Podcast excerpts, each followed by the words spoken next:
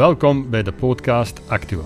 Elke maandagmorgen een frisse blik op de diergeneeskunde. We zijn vandaag 20 maart. Mijn naam is José Moto.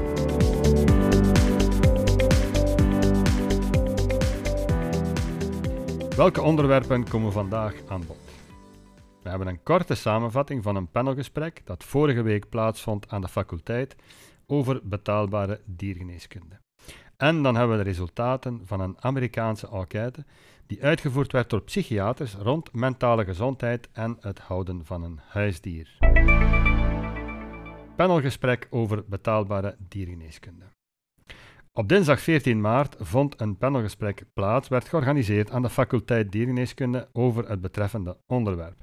Het doel van de avond was na te denken over de uitdagingen waar we voor staan als dierenartspraktijk als de eigenaar de kosten voor zijn dier niet meer kan betalen.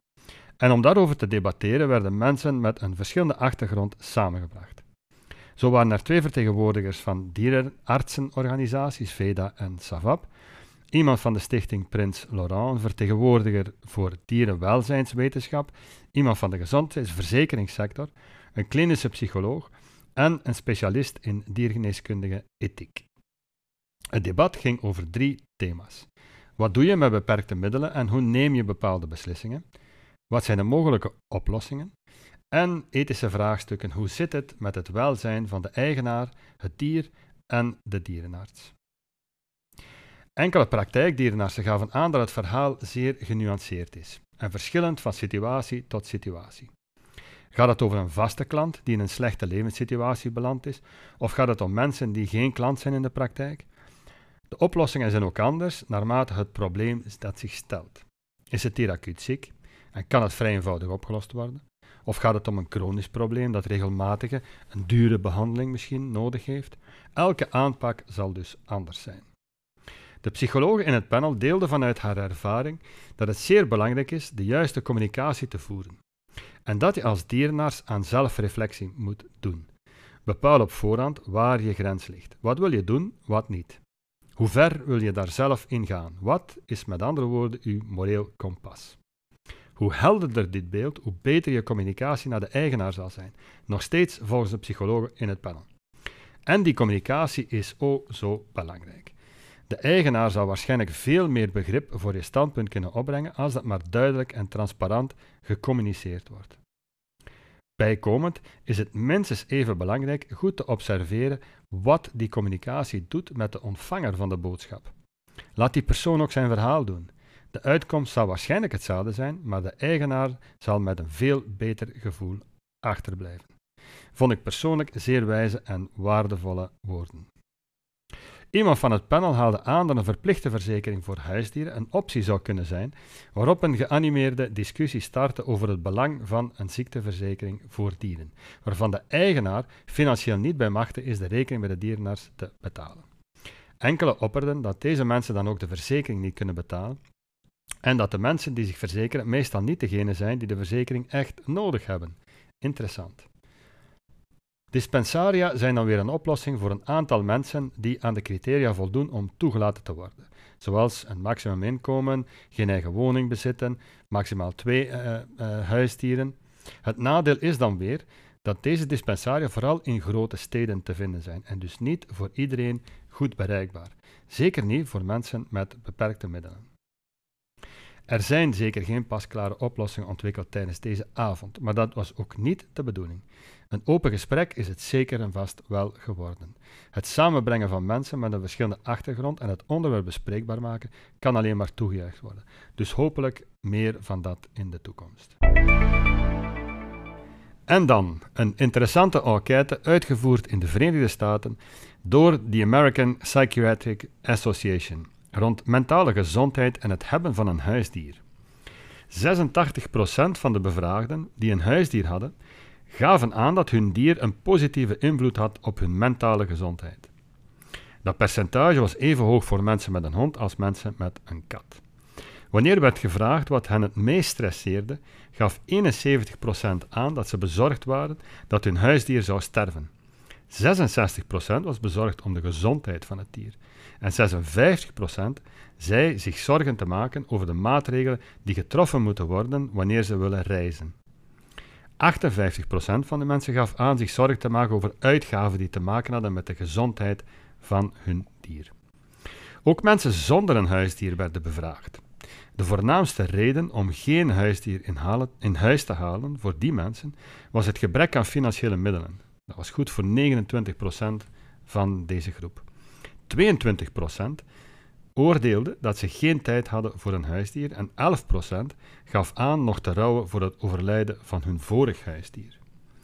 Goed om weten is dat deze American Psychiatric Association samenwerkt met het AVMA, dus de American Veterinary Medical Association, in een project waarbij ze deze maand eigenaren aanmoedigt om een foto van hun geliefd huisdier te posten op social media met een korte beschrijving van op welke manier hun dier bijdraagt aan hun mentale gezondheid. Mooi initiatief dus en een mooie samenwerking tussen humane psychiatrie en diergeneeskunde. Zouden we hier in Europa, of minstens ook in België en Nederland, zeker kunnen gebruiken.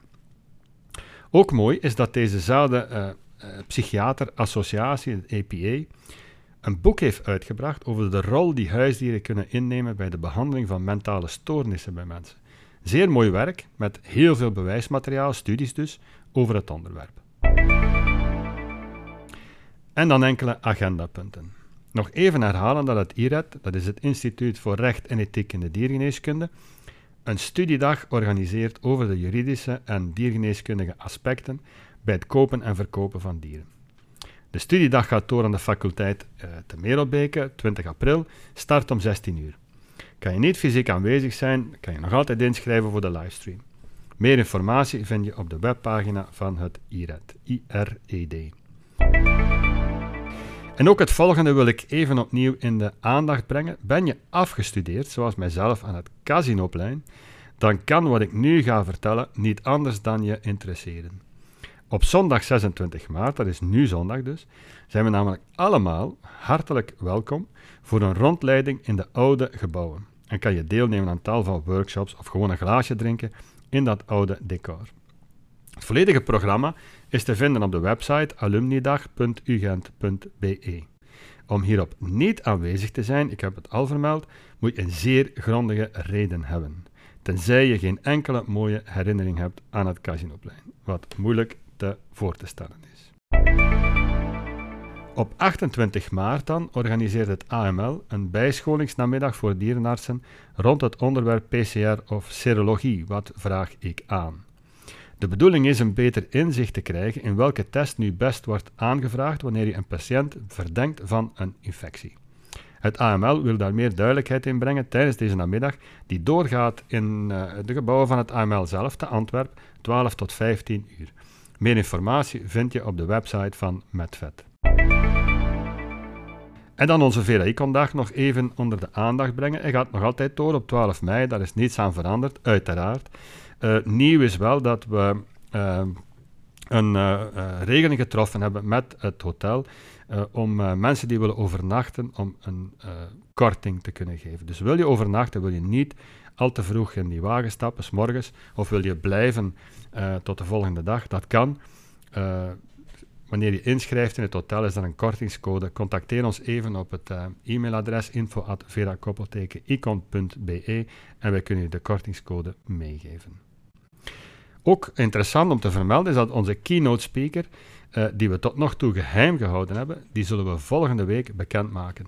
Uh, althans, wie het geworden is. Dus spannend, hou ons even in het oog.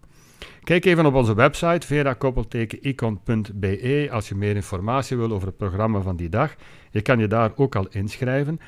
Uh, weet ook dat je kan inschrijven via KMO-portefeuille, wat toch onmiddellijk 30% korting betekent op je inschrijvingsgeld.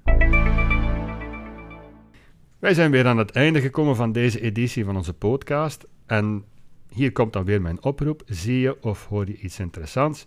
waarvan je vindt dat wij het allemaal zouden moeten weten, laat het ons dan weten via info.vera-icon.be. En zoals elke week wil ik ook deze podcast afsluiten met een van de 100 adviezen van EVMA rond well-being in de praktijk.